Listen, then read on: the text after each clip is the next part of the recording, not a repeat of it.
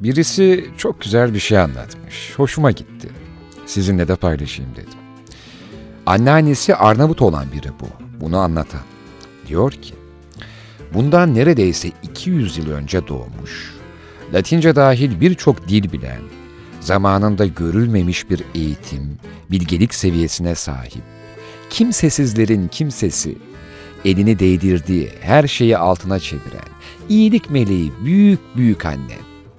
Torununa, yani benim şu anda 85 yaşında olan büyük anneme, tabi Arnavutça, şöyle demiş.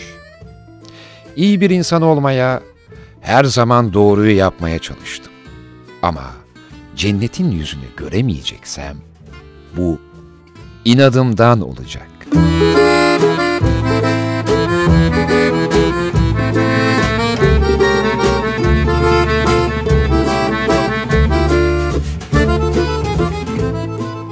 Çok centilmen bir satranç ustası, maç esnasında 9 saattir hamle yapmayan rakibine içerleyerek ''Ne zaman oynayacaksınız?'' diye sorduğunda ''Sıra sizde değil mi?'' cevabını almıştı. İnsan ilişkileri de böyledir işte. İletişimsizlik, anlamsız kırgınlıklar ve zaman kaybı demektir.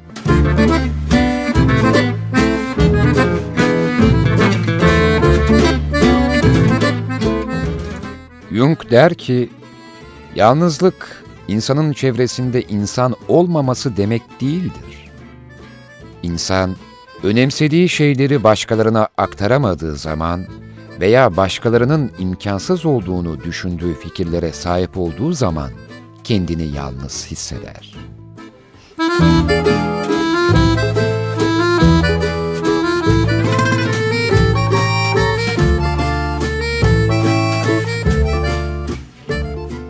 Knalp, her insanın kendine özgü bir ruhu var, dedi.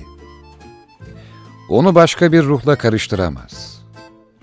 İki insan birbirine yaklaşabilir, birbiriyle konuşabilir, birbirinin hemen burnunun ucunda olabilir. Ama ruhları bulunduğu yere kök salmış çiçeklere benzer. Hiçbiri kalkıp ötekisinin yanına gelemez. Bunun için kökünü terk etmesi gerekir. Böyle bir şeyi de başaramaz. Çiçekler kokularını ve tohumlarını yollar birbirine.'' Çünkü birbiriyle konuşmaya can atar. Ama bir tohumun istenilen yere ulaşması konusunda çiçeğin elinden bir şey gelmez. Rüzgarın işidir bu. Rüzgar da canı istedi mi bu, canı istedi mi öbür yönden eser.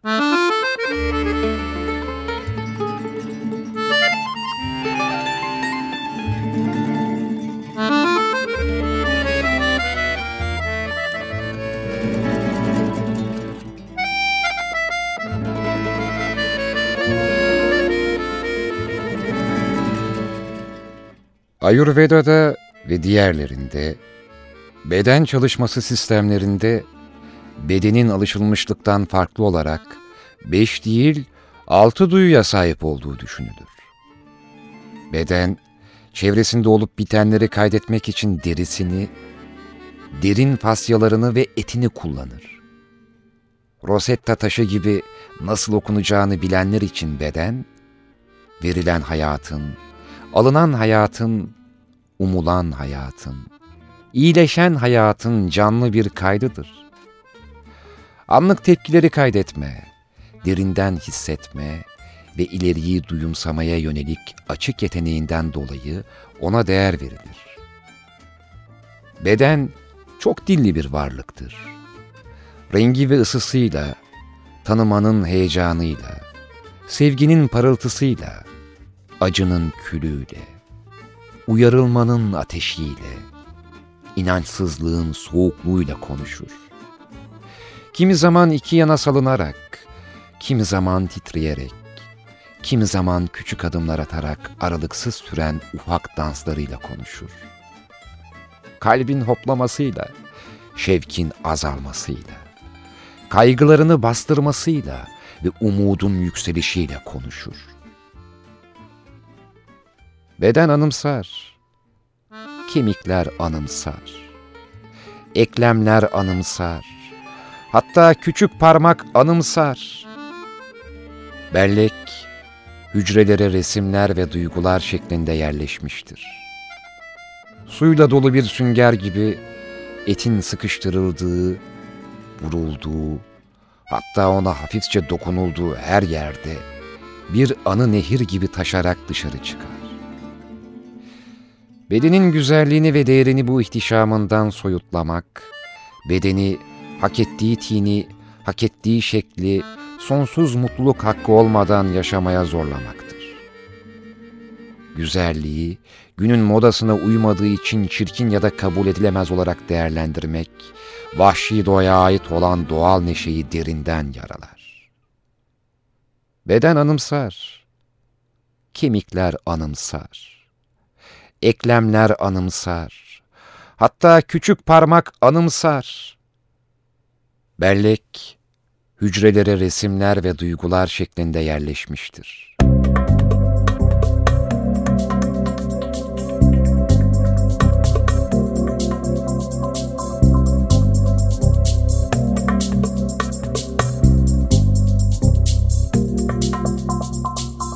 Unutulmaz deme bana Unutulur, unutulur. Kapanır en derin yara Acısı da unutulur. Bir rüyadır gelir geçer. Her aşk bir gün hayal olur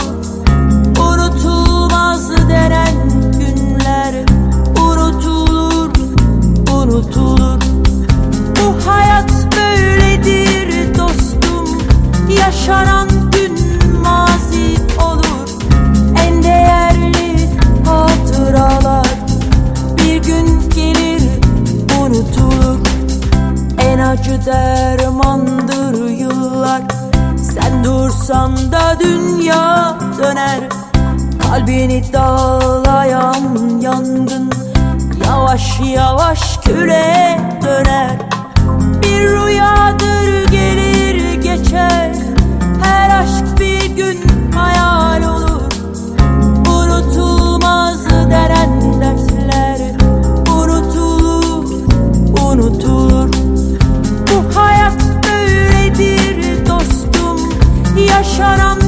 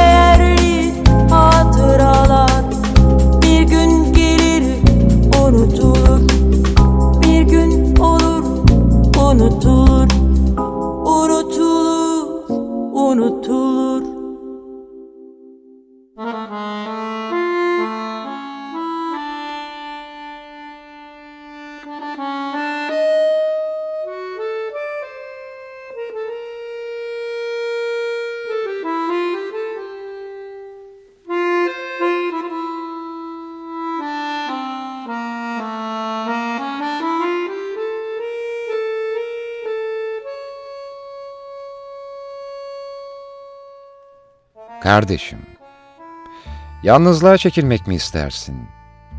Kendine olan yolu aramak mı istersin? Biraz durakla ve dinle.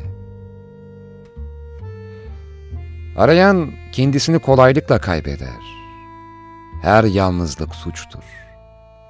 Sürü böyle der ve sen çok uzun zaman sürü içinde kaldın. Sürünün sesi sende de çınlamaya devam edecek. Ve vicdanım artık seninle ortak değildir diyecek olsan, bu bir yakınma ve acı olacak. Bak, bizzat bu acıyı bir vicdan doğurmuştur. Ve bu vicdanın son kıvılcımı senin gamında parıldamaktadır. Fakat kederinin yolunu, yani bizzat kendine olan yolu yürümek mi istersin? Bana bunu hak ettiğini ve kuvvetini göster. Yeni bir kudret ve yeni bir hak mısın? Bir ilk hareket misin? Kendinden yuvarlanan bir tekerlek misin? Yıldızları kendi etrafında dönmeye zorlayabilir misin? Ah yükseklikler isteyen o kadar tutku var ki, Kibirlinin o kadar istekleri var ki, bana bu şehvet düşkünü ve kibirlilerden olmadığını göster. Ah, çok büyük fikirler vardır ki, bir körükten başka bir şey değildirler. Körüklerler ve daha fazla boşaltırlar. Kendini özgür mü diyorsun? Bir boyunduruktan kurtulduğunu değil, egemen düşüncelerini işitmek isterim. Boyunduruktan kurtulmaya layık bir adam mısın? Uşaklıktan çıktığı zaman son değerini de kaybedenler vardır. Nelerden kurtuldun? Bu bana vız gelir. Ama gözün bana şunu apaçık bir şekilde söylemeli. Özgür ama ne amaçla? Kendi iyilik ve kötülüğünü kendin yaratabilir misin?'' ve iradeni bir yasa gibi kendine egemen kılabilir misin? Kendi kendinin yargıcı ve kendi yasanın intikamcısı olabilir misin? Kendi yasasının yargıcı ve intikamcısıyla yalnız kalmak korkunçtur. Bir yıldız, uzayın boşluğuna ve yalnızlığının buzlu soluğuna böyle atılır. Ey yalnız adam! Bugün henüz kalabalığın acısını çekiyorsun Bugün henüz bütün cesaretine ve ümitlerine sahipsin. Ama bir zaman gelecek, yalnızlık seni yoracak. Bir zaman gelecek, gururun eğilecek ve cesaretin kırılacak. Bir zaman gelecek, ben yalnızım diye haykıracaksın. Bir zaman gelecek, yüksekliğini görmeyecek ve alçaklığı pek yakın duyacaksın. Kendi yüceliğin bir hayalet gibi seni korkutacak. Bir zaman gelecek, her şey yanlış diye bağıracaksın.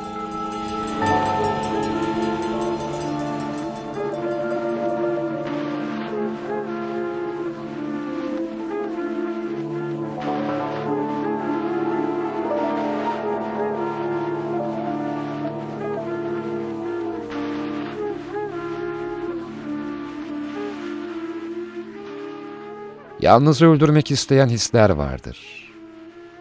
Öldürmezlerse kendilerinin ölmesi gerekir. Fakat katil olmayı başarabilir misin? Kardeşim, aşağılamak kelimesini ve seni aşağı görenlere karşı adil olmanın acısını tanır mısın? Senin hakkındaki düşüncelerini değiştirmeye çoklarını zorladın. Bunun intikamını alacaklar.'' Onlara yaklaştın fakat yine de önlerinden geçip gittin. Bunu sana hiçbir zaman bağışlamayacaklar. Sen onları geçtin. Fakat sen yükseldikçe kıskançlığın gözü seni o oranda küçük görür. En çok uçandan nefret edilir. Demelisin ki, bana karşı nasıl adil olabilirsiniz?'' Ben kendime sizin haksızlığınızı yakıştırıyorum. Onlar yalnız haksızlık eder ve çamur atarlar. Fakat kardeşim, eğer bir yıldız olmak istersen, böyle yaptılar diye onları daha az aydınlatmamalısın. Ve iyiler ve adillerden sakının. Onlar kendi erdemlerini yaratanı çarmıha germeyi severler. Onlar yalnızdan nefret ederler. Kutsal basitlikten de sakının. Basit olmayan her şey onlarca kutsal olmayandır. Bu odun yığını ateşte oynamasını da sever. Kendi sevginin baskınlarından da sakın. Yalnız rast geldiğinde pek çabuk elini uzatır. Bazı insanlara elini değil, yalnız pençeni uzatmalısın. Ve isterim ki pençenin tırnakları da olsun. Fakat rast gelebileceğin en kötü düşman bizzat kendin olacaksın. Bizzat sen. Mağaralarda ve ormanlarda kendini izlersin. Yalnızsan kendine giden yolu yürüyorsun. Ama bu yol kendine ve yedi şeytanına uğrar. Sen kendinin inkarı, cini, cinneti, falcısı, delisi, şüphecisi, uğursuzu ve kötülüğü olacaksın. Kendi alevinde kendini yakmak istemelisin. Kül olmadan nasıl yenileneceksin?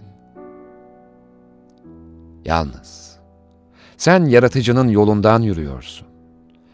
Yedi şeytanından kendine bir tanrı yaratacaksın.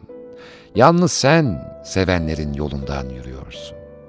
Sen bizzat kendini seviyorsun. Ve yalnız sevenlerin yaptığı gibi kendini küçümsüyorsun. Seven yaratmak ister. Çünkü küçümser. Sevdiğini küçümseyen aşktan ne anlar?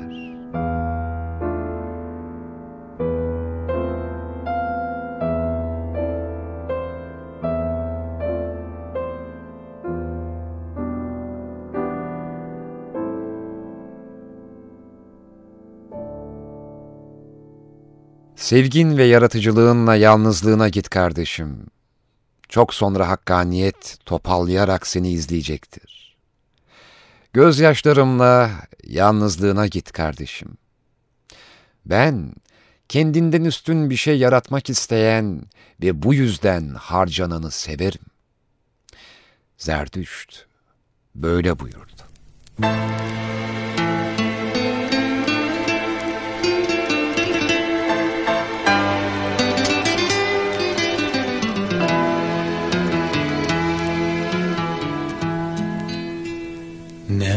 varsa her şey hatırımda. Sanki daha dünmüş gibi. Senden gelen senin olan Ne varsa her şey hatırımda.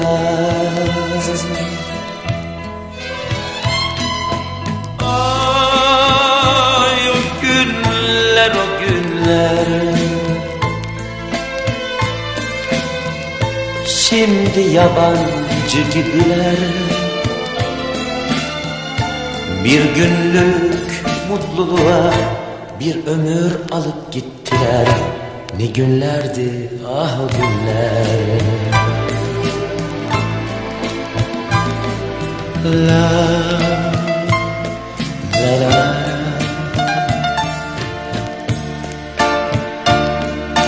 La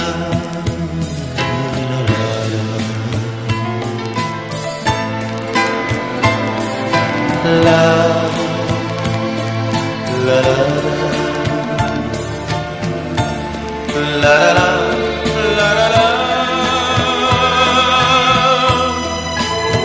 Annemin plakları. Ay o günler o günler. Şimdi yabancı gibiler. Bir günlük mutluluğa bir ömür alıp gittiler. Ne günlerdi ah o günler Bir daha dönülse Şu yalancı dünyaya Bir ömür verirdim ben yine. Seninle bir mutluluğa Ay o günler o günler. Şimdi yabancı gibiler. Bir günlük mutluluğa bir ömür alıp gittiler. Ne günlerdi Ah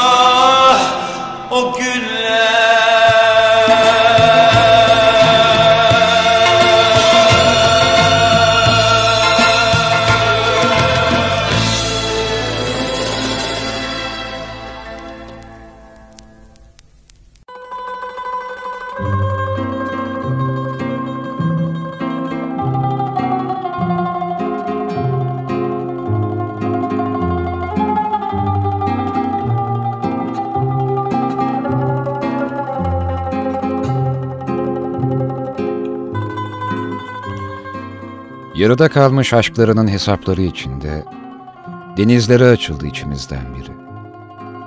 Niçin gittiğini söylemeden.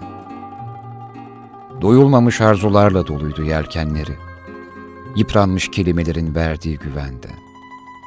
Bulacak sanıyordu yenilikleri. Her an bir yeni su vardı. Her yeni suda bir yeni an. Deniz dalgalarıyla gösteriyordu dışından yaşananla düşünülenler arasındaki farkı.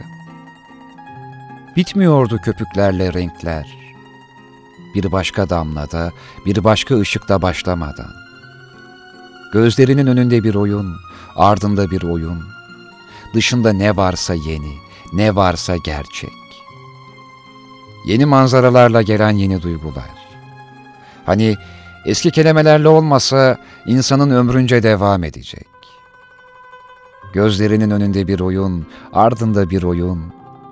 Anladı. Ölmekle yaşamanın birleştiği noktada yeni rüzgarlarla esen yeni korkulara, yeniliklerini bağışlamayan kelimelerin nasıl düşman sığınaklar halinde direndiğini. Anladı. Bütün olmuşlarla olanların ve bütün olacakların o kelimelerin içinde kendisine varmadan eskidiğini.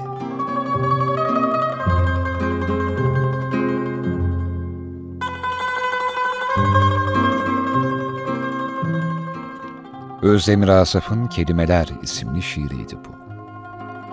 Geçenlerde ben de bir şey yazmıştım. Çocukluğumdaki bir fotoğraf karesiyle ilgili. Ablam ve kuzenimle e, küçükken çekildiğimiz bir fotoğraftı. Biraz böyle şey anlaşıldı işte e, umutsuz gibi, umutsuz vaka diyorlar ya. Öyle değil işte yani günümüzde yaşayan biri benim yaşlarımda biri yazdığı zaman nedense umutsuz. Ama işte eski şairler falan böyle birazcık e, olumsuzluktan dem vurduğu zaman ya işte ne güzel demiş falan değil mi gibi bir şey oluyor. Yani ben söylemesem benim yazdığımı belki ya işte Turgut Uyar çok güzel söylemiş olacak ya da işte Özdemir Asaf çok güzel e, demiş olacak. İyiliğe karşıt bir şeyden bahsettiğimizde e, ya da herhangi bir olumsuzluktan dem vurduğumuzda ama ona göndermeyle başka bir şeyi reddederek bilmiyorum anlatabiliyor muyum? Yani o umutsuzluk değil. O başka bir şey. Ama ne yazmıştım en iyisi ben onu okuyayım size. Şöyle yazmıştım. Hani diyor ya marşta da İzmir'in dağlarında çiçekler açar diye. İşte burası Tire Dağları ve ortancalar biliyor çocukluğumuzu. Solumda Esmer ablam Ebru, sarılmışız. Sağımda da sarışın ablam, kuzenim, Betül. Arkada da kalsa elimi bırakmamış. Güneş o zaman da gözümü çok alıyormuş. Zor bakıyorum. Şimdi ise güneşe rağmen bazen inadına bakıyorum gözümden yaş gelene kadar. Bu kez zor görüyorum. Görülecek pek bir şey kalmamış çünkü. Güzel günler göreceğiz, güneşli günler diyor ya şiirde. Bu bende geleceğe dair değil. Biz göreceğimizi gördük.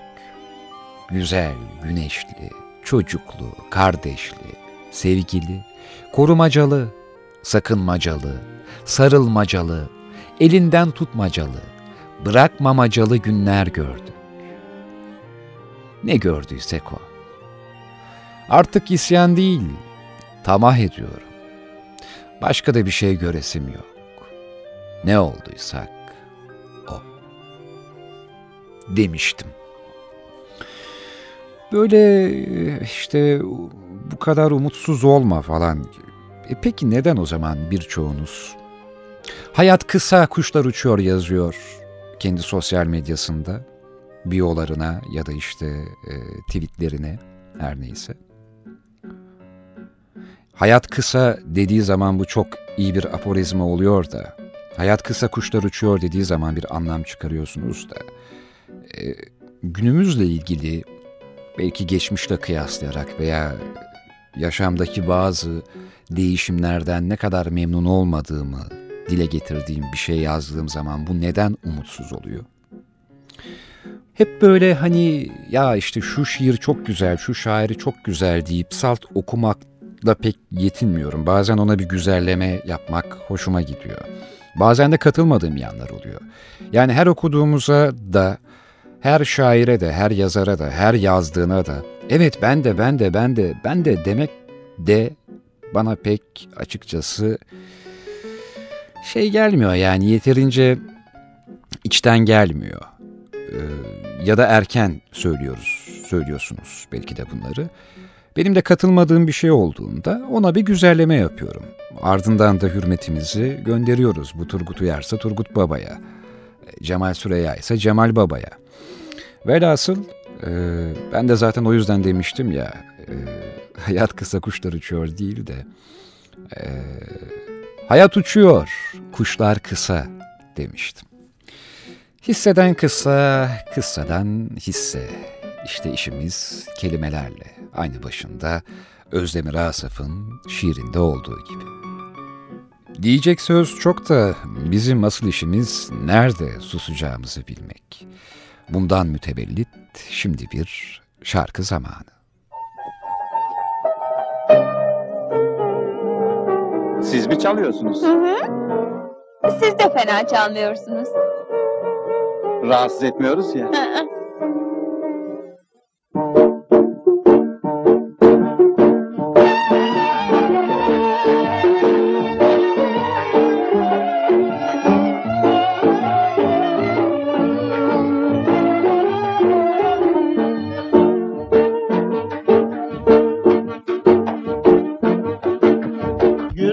Dudaklım gülüm Bil siyah gözlüm Seni arar gönlüm Sensin aşk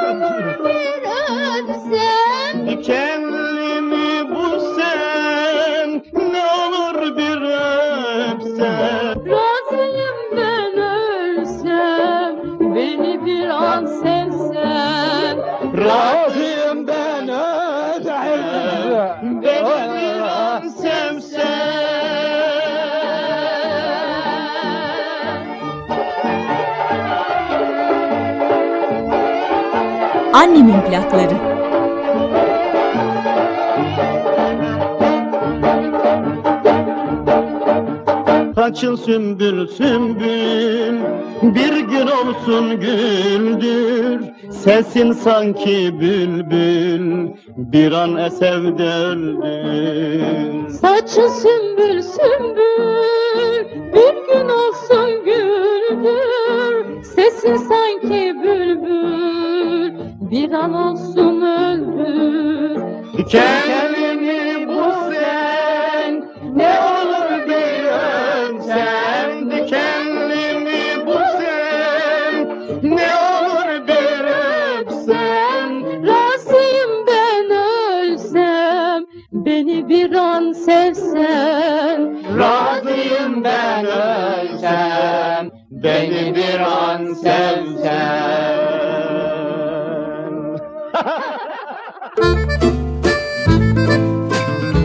Çetin Erker'le Annemin plakları devam ediyor.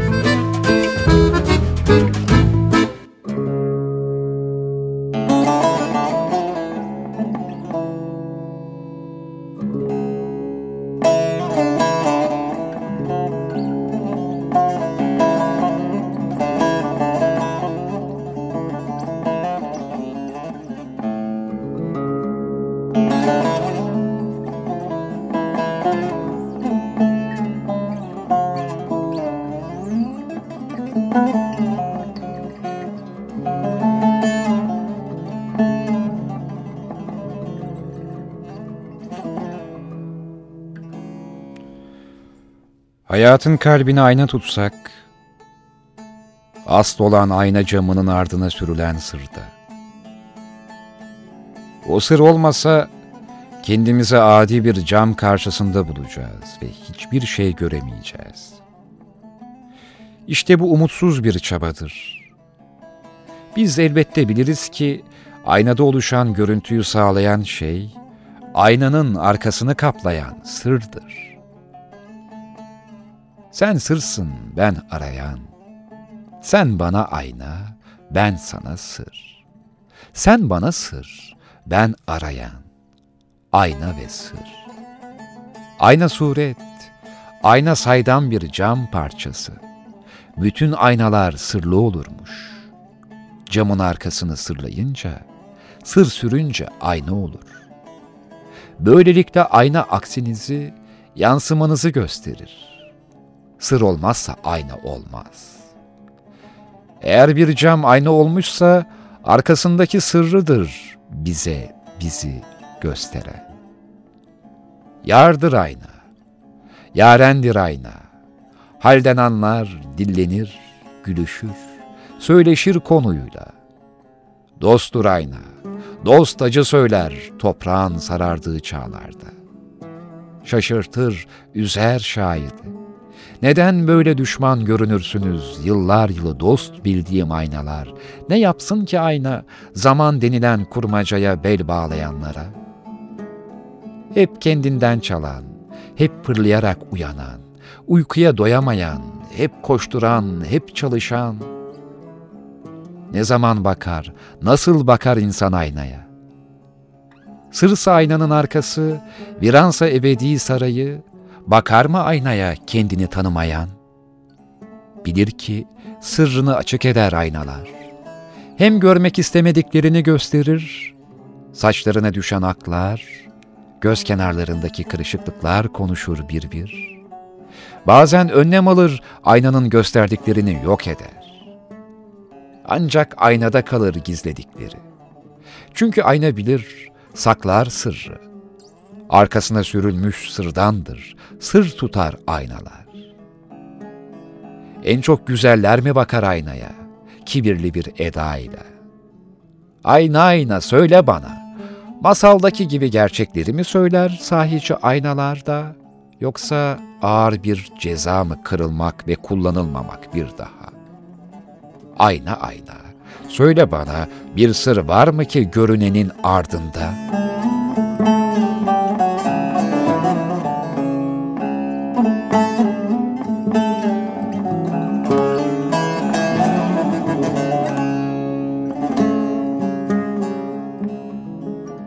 Unutulmak acı verir, karanlık sulardır ayna. Çalı dikeni, duvarın nemi ve kalbin sancısı. Geceyi daraltan ne varsa hatıraların sarıp sarmaladığı ıssız, loş, bomboş odalarda. Sırdaştır ayna. Hoşça kal, bak zatına ki zübde-i alemsin sen. İnsan öyle bakmalı aynaya hoşça bakmalı zatına. Sır dökülür, perde kalkar, kapanır kapılar ayara. İşte o zaman sormalı, ayna ayna, söyle bana, bir ben var mı benden başka? Bir ben ki tanışıklığımız ebedi zamanlarda.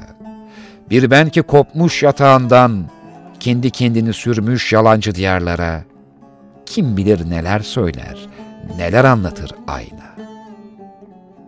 Yabancısın, şaşkınsın, yorgunsun. Bir nefes al, bir durakla, kalbini kılavuz eyle de çal o sırlı kapıyı.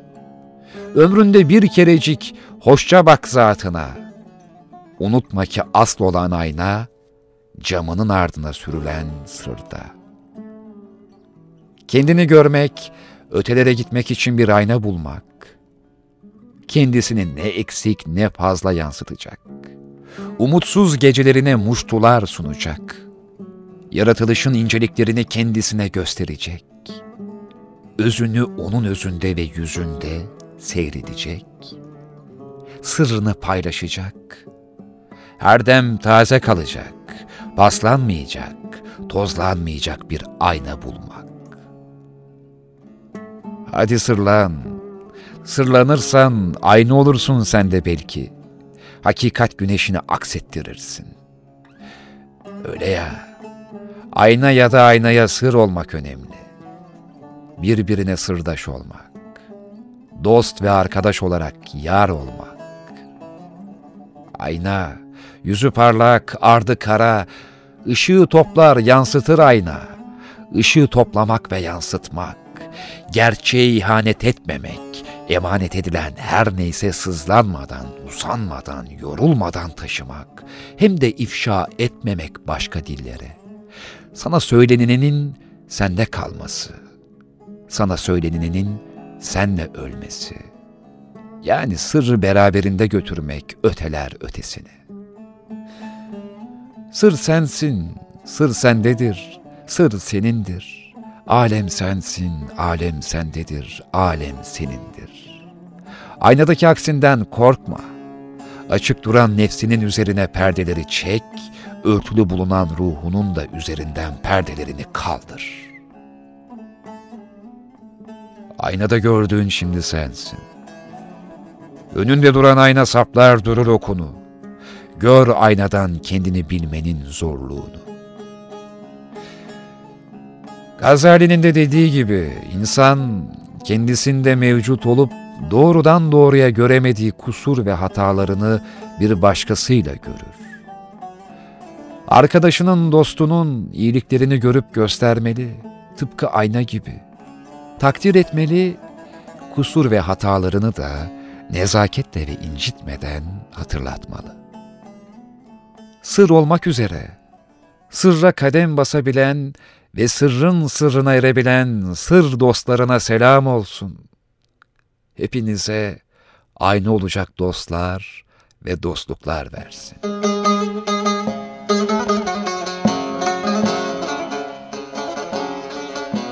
Yarim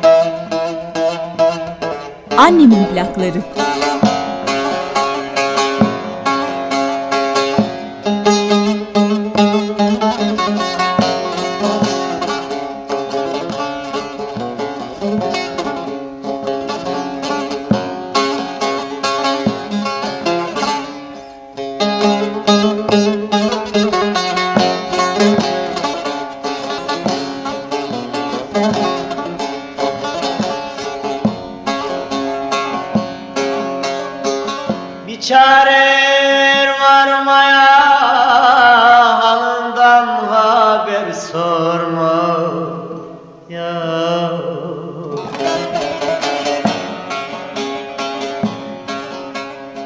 Yetiş namazın kılmaya sen öldü gel gel. Yetiş namazın seni sev öldü gel.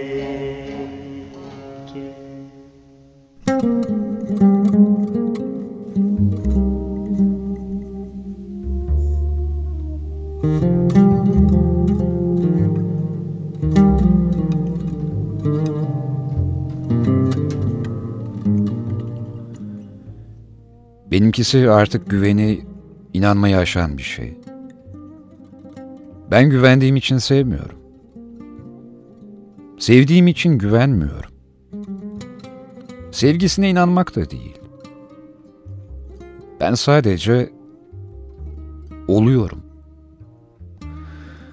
Elimde değil, kalbimde. Zaten birine ikinci kez güveniyorsan ortada güvenilmeyecek bir şey var demektir.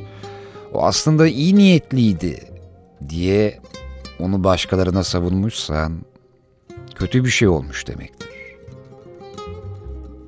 Özünde iyi birisi, bunu isteyerek yapmadı diyerek seni üzmesini meşrulaştırıyorsan güvenden, inanmaktan bahsederek sevmeye değer olduğuna ikna olmak için zorlama artık ne kendini ne başkalarını.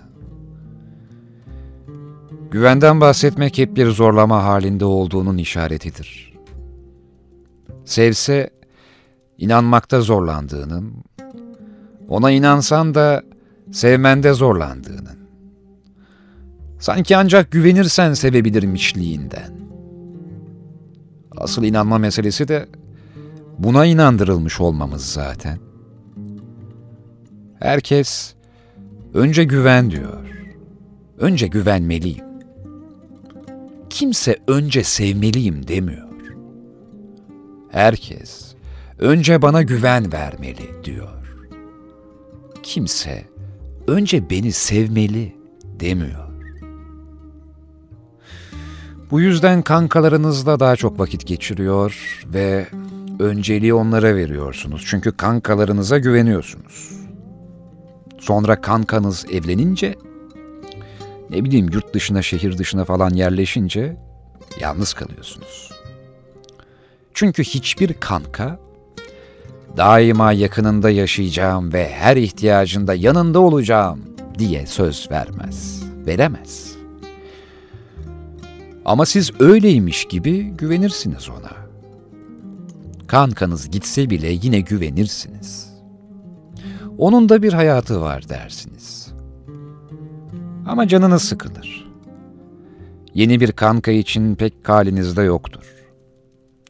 Birine ihtiyaç duymacalar başlar yine. Anneyle, ablayla, arkadaş gibi takılmalarda bir yere kadardır. Sonra güvenebilir miyim acaba diye o unuttuğunuz sevgili ne yapıyormuş diye bir bakayım dersiniz. Ha, orada evlenmiş yahu. Hangi ara? O kadar oldu mu? Pek de mutlu gözüküyor. Eşi de çok tatlıymış. İnşallah mutlu olurlar falan diye güzel temennilerde bulunursunuz. Ve ne kadar erdem sahibi olduğunuz için kendinizle gurur duyarsınız. Ben iyi bir insanım. Eski sevgilimin eşiyle mutlu olmalarını diledim. Dur daha fazlasını dileyeyim. Umarım ikisine de benzeyen çok tatlı bir de çocukları olur. Kız ne iş yapıyor acaba? Gençmiş de. Biraz makyajı fazla mı kaçırmış? Ben olsaydım o ayakkabıyı giymezdim. Tatlı kız ama benden güzel değil. Güvenmiyordum falan ama bizimki bayağı hanımcı çıktı ya diye diye derken bir anda kendini yeni gelinin yerine koymayasın mı? Eski sevgilinin yanında kendini hayal etmeyesin mi? Belki güvenseydim şimdi o mutlu kadın ben olacaktım.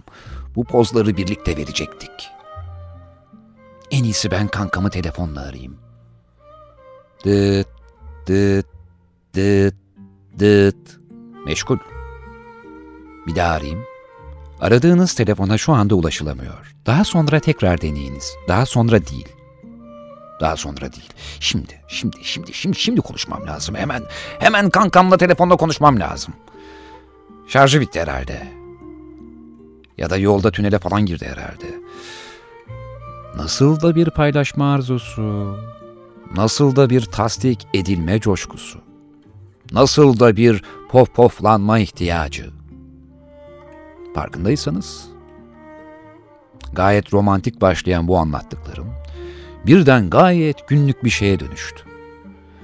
İlla bir yönde çıkarım yapmanız gerekmiyor. Çünkü sevgilinizden ayrılsanız, ihmal ettiğiniz arkadaşınıza yanarsınız, arkadaşlarınıza öncelik verseniz, elinizden kaçan sevgiliye üzülürsünüz.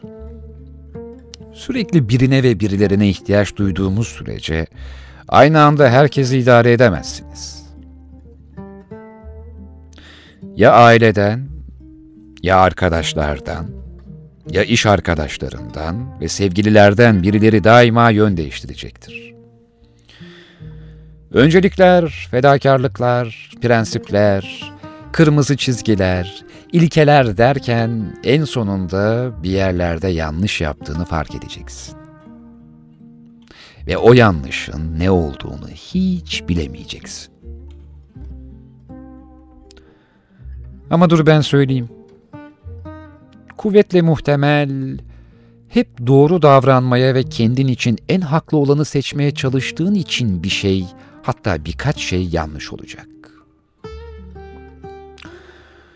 Çünkü doğruyu zihnin söyleyecek. Doğruyu güçlü imajın söyleyecek. Doğruyu arkadaşların söyleyecek. Ve yitirdiğinde ben nerede yanlış yaptım bilmiyorum diyeceksin. Elimden bir şey gelmiyor diyeceksin. Çünkü hep elinden geleni yapmıştın değil mi? Elinden gelen bu kadardı. Hani şu klişe ve duyduğumda tüylerimin diken diken eden şeyi söyleyeceksin. Yapacak bir şey yok diyeceksin. Yapacak bir şey yok. Doğru ya. Sen elinden geleni yaptın. Ama içinden geleni hiç yapmadın. Kalbinden geleni yapmadın. Elin sınırlıydı ve bunu biliyordun. Bu sınır, sözüm ona seni koruyacaktı. Eline güveniyordun. Bu yüzden Poker Face'te sana çok oturuyordu. Önce güven kalıbı seni taahhütlü bir korumaya alıyordu.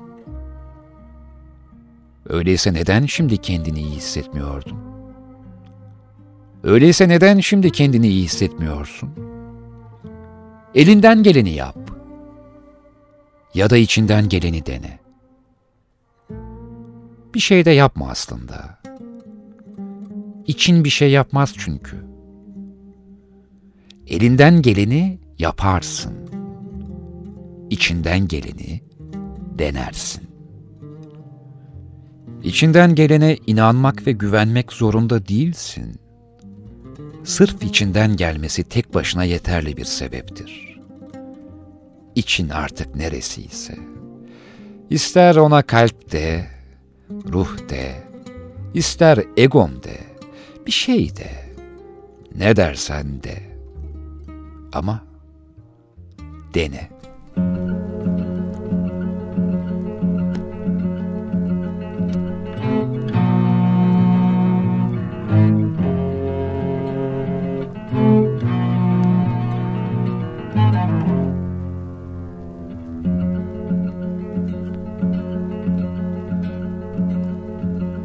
Akşamın rengi suya dalıyor. Gözlerim denizde beni süzüyor. Gördüm yalnızlığımı gördüm. Çok derinde bana bakıyor. Gördüm yalnızlığımı gördüm. Çok derinde bana bakıyor.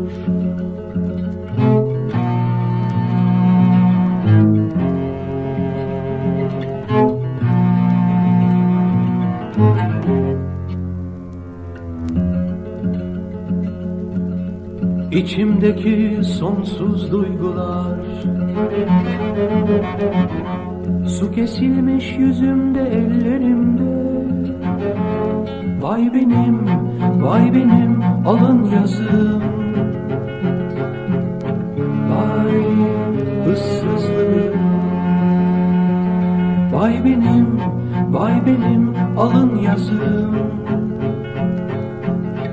Vay gözyaşlarım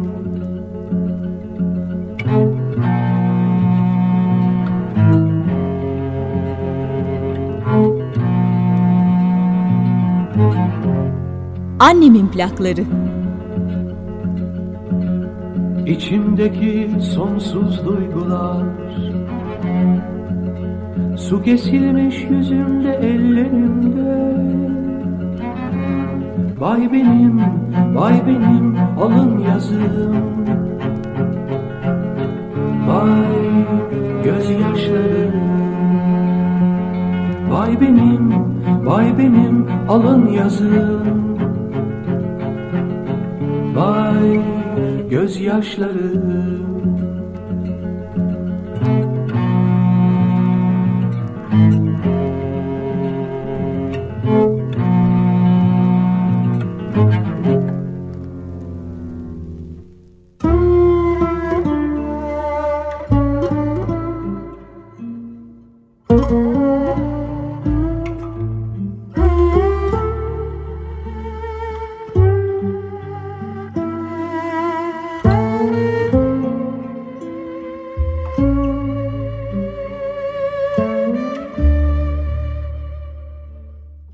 Kuşların terennümü, günün şafağında başlar yeniden.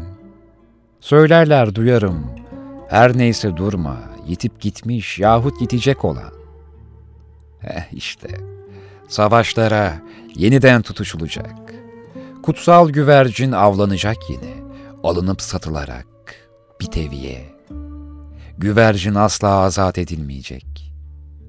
Çal, halen çalabilen çanları, unut muhteşem adığını. Vardır her bir şeyin çatlağı, işte böyle süzülür aydınlık içeriye.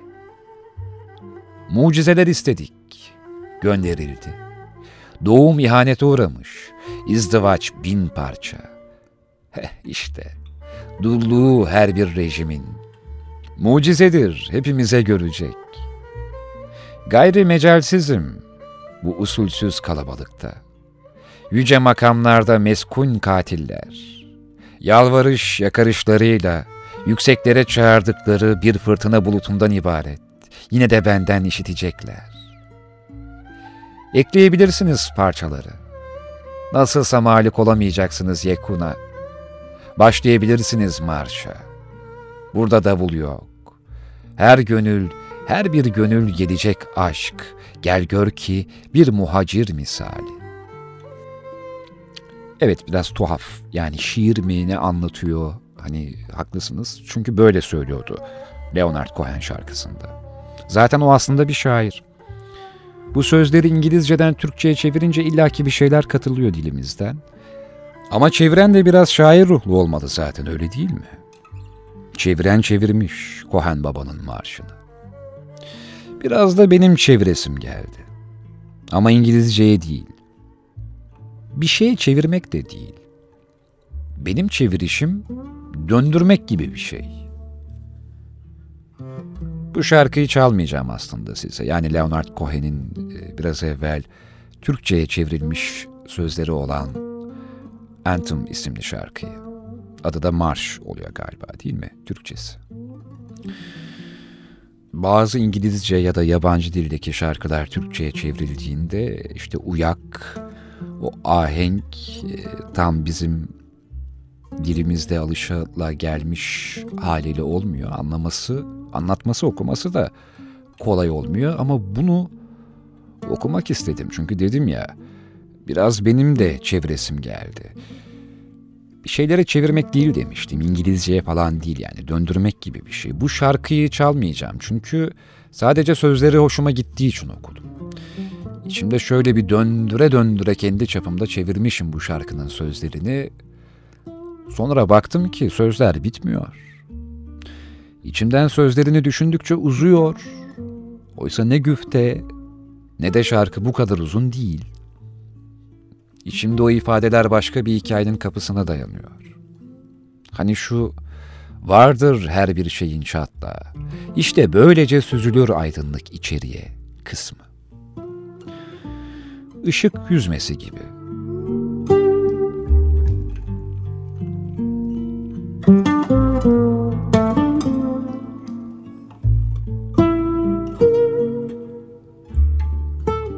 Bir odaya kocaman penceresinden güneş ışığı dolduğunda odanın her yerine ve homojen bir ışık bu rahatsız edici bile olabilir.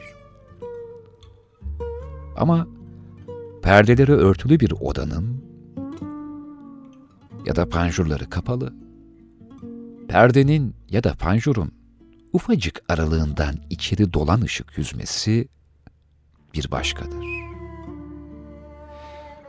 O ışık yüzmesinde havalanan tozları, sigaranın dumanını ve objelerin renk değişikliğini çok daha iyi hissedersin.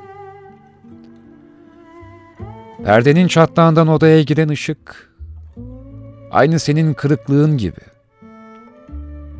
Kırıldığımız yerden, çatlaktan içimize süzülen ışık yüzmesi. Çok önceden de demiştim hani, bir vazonun kırığından, çatlağından bahsettiğimde.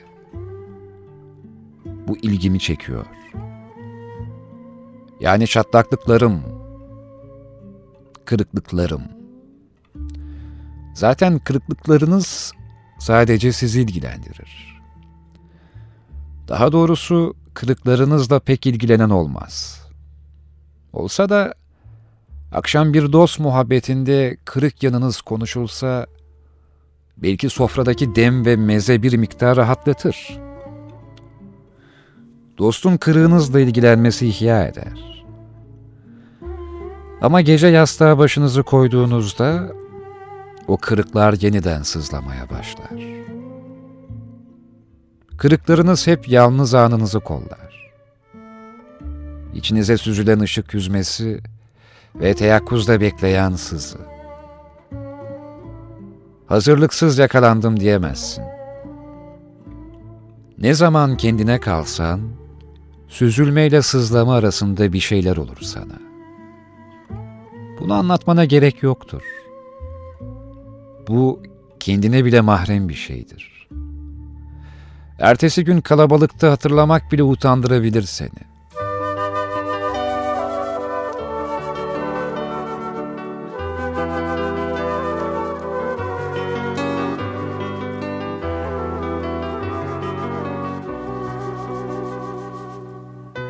İstersen hiç başlamasın. Bu hikaye eksik kalsın. Onca yaraların ardından Yeni bir aşk yaratamazsın. Yeni bir aşk yaratamazsın. İstersen hiç başlamasın Bu hikaye eksik kalsın Onca yaraların ardından Yeni bir aşk yaratamazsın. Yeni bir aşk yaratamazsın. Örselenmiş bir çocukluk İşte benim bütün hikayem Kaç sevda geçse de yüreğimden Bu yıkıntıları onaramazsın. İstersen hiç başlamasın. Geç kalmışız birbirimize. Yanlış kapılarla geçmiş bunca yıl Dönemeyiz artık ilk gençliğimize İstersen hiç başlamasın. İstersen hiç başlamasın. Söz verelim kendimize. Annemin plakları.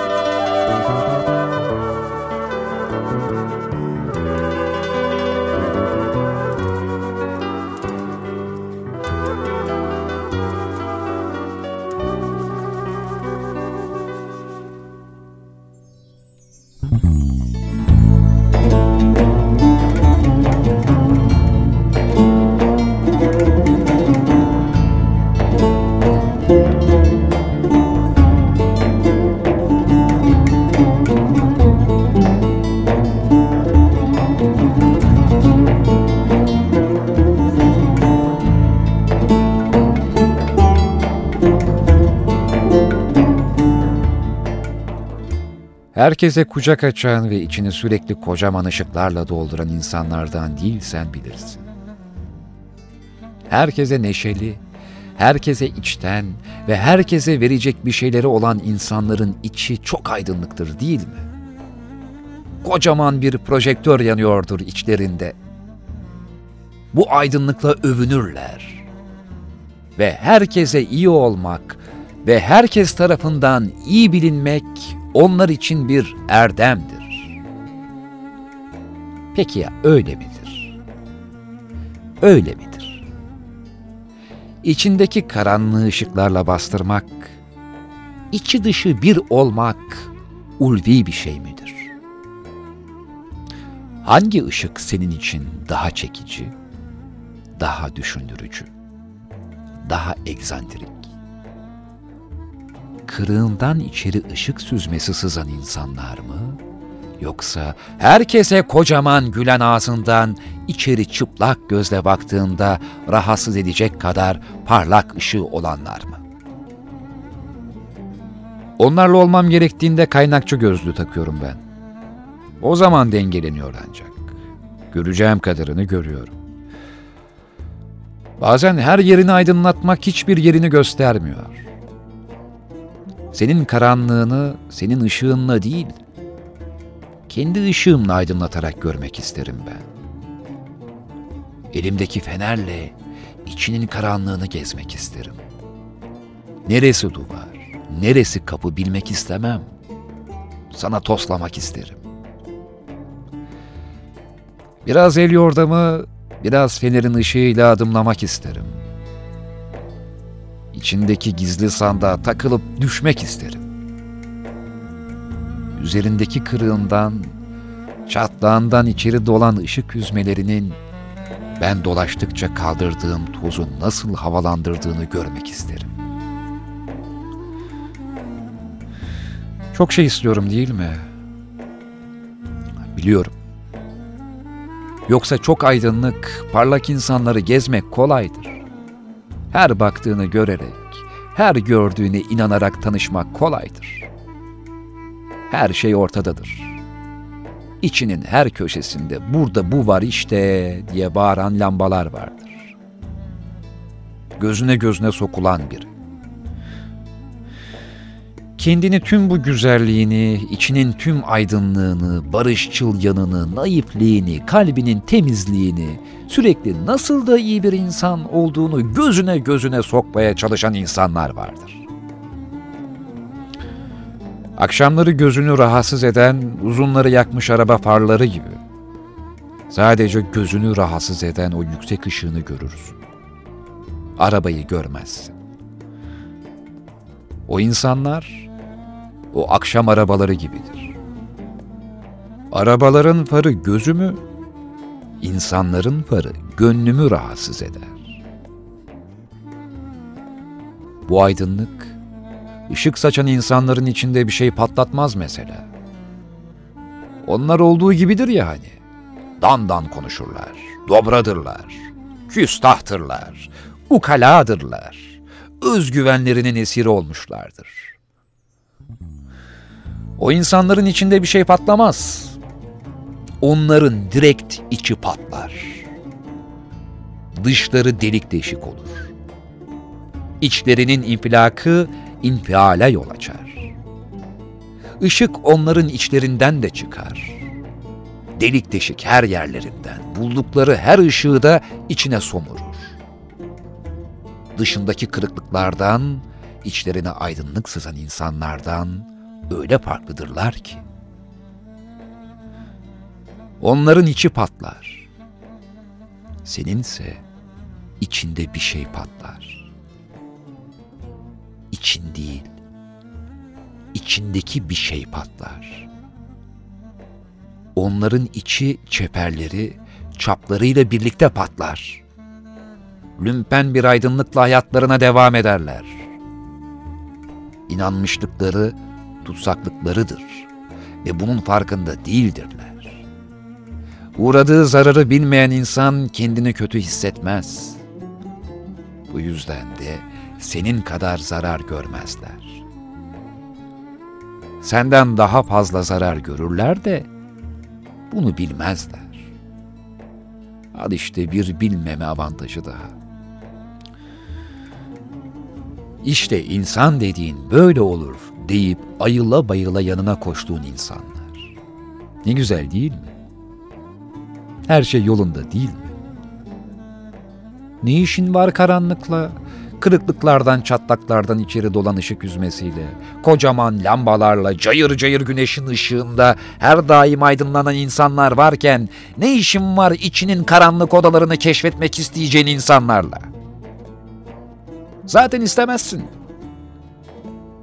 Sen eline bir mum bile alıp karanlık bir odaya girmeye korkarsın.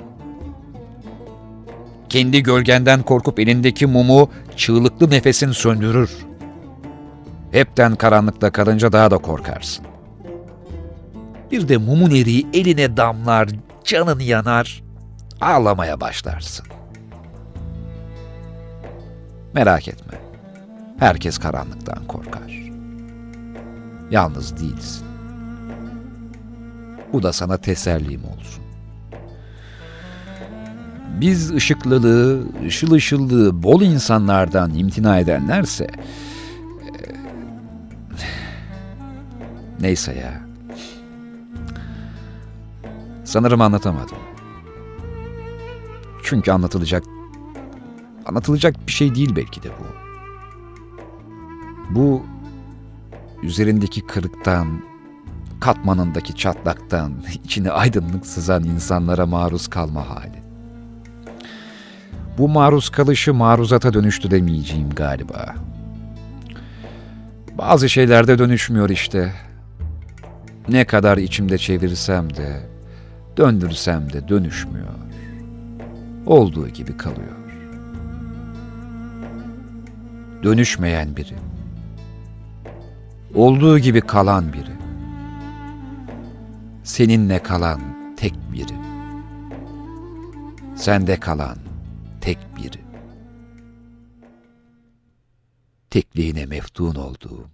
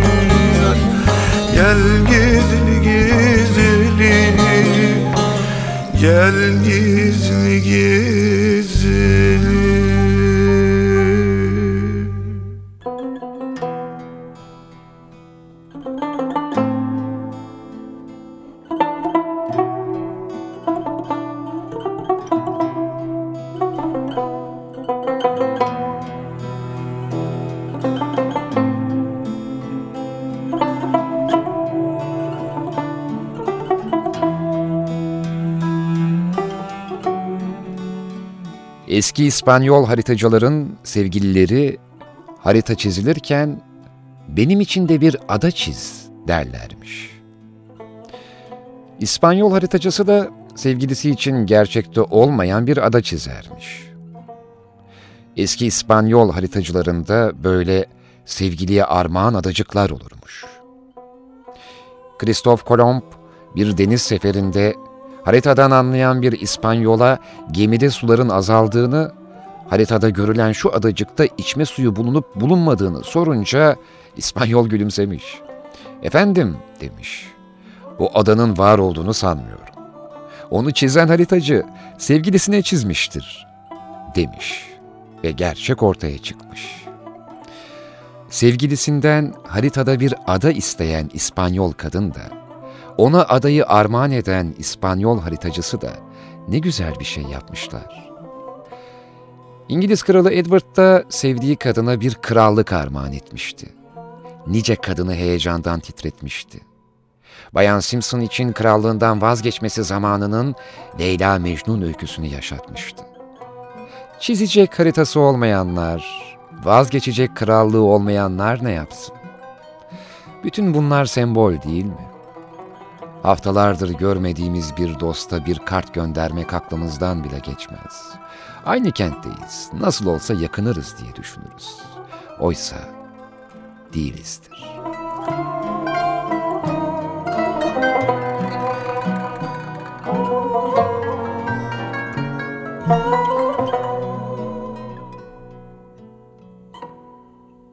Alışkanlıktan başka bir şey bilmedikleri için sizin de yokluğunuza alışacaklardır.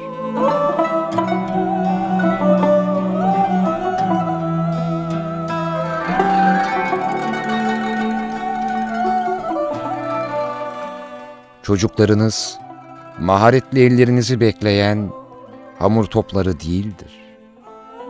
Onlar evrenin enerjisidir. Ve ileride ne olacaklarsa onu olacaklar. Kutsal varlıklardır onlar. Onlara müdahale edersiniz, herkesi perişan edersiniz. Başarıyı da bulacaklar, başarısızlığı da. Mutlu da olacaklar, mutsuz da. Sizi gururlandıracaklar, hayal kırıklığına da uğratacaklar. Güvende olacaklar. Büyük risklerde yaşayacaklar, yaşayacaklar, ölecekler. Siz kendi ruhunuzun merkezinde kalın. Yapabileceğiniz başka hiçbir şey yok.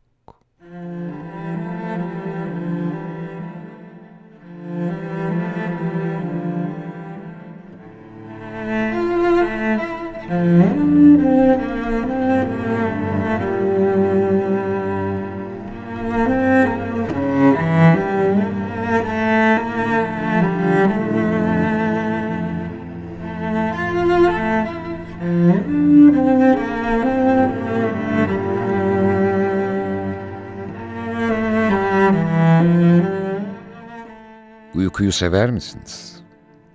Hani şu uyku metaforu. Ne bileyim, psişik bilinçsizlik haline de işaret edebilir ama burada yaratma ve yenilenmeyi simgeliyor biraz da. Uyku yeniden doğumun simgesidir. Yaratılış mitlerinde bir süreliğine bir dönüşüm meydana gelirken ruhlar uyumaya giderler. Çünkü uykuda yeniden yaratılırız, yenileniriz. Shakespeare Macbeth'te şöyle demişti. Cefa tarazlarını düzelten, her günün yaşamını sona erdiren uyku. Sıkıntıların, güçlüklerin yıkanıp yorgunluk giderdiği su.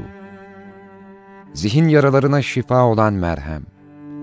Doğanın en büyük ikramı. Yaşam denen ziyafetin baş yemeği. En katılaşmış, yaşayan en zalim ve acımasız kişilere bile uyurken ve kalktığı sırada bakışlarınızı yöneltirseniz, onlarda bir an için bozulmamış çocuk tinini, saf masumiyeti görürsünüz.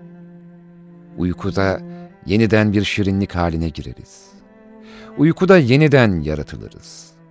İçeriden dışarıya doğru, masumlar kadar taze ve yeni olarak yeniden bütünleniriz.''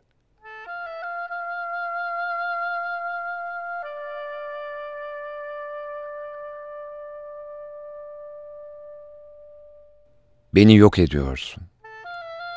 Bana iyi geliyorsun. Harap et beni. İstediğin kadar biçimsizleştir.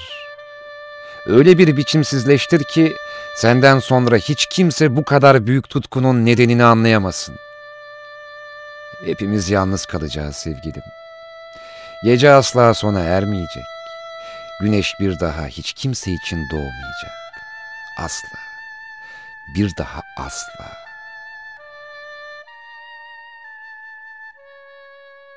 Beden anımsar, kemikler anımsar, eklemler anımsar, hatta küçük parmak anımsar.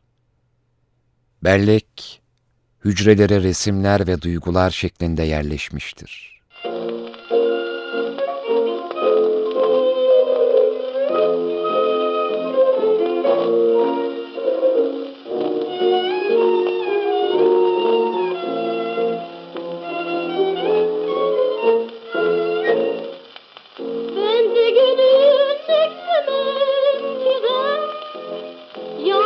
Yeah.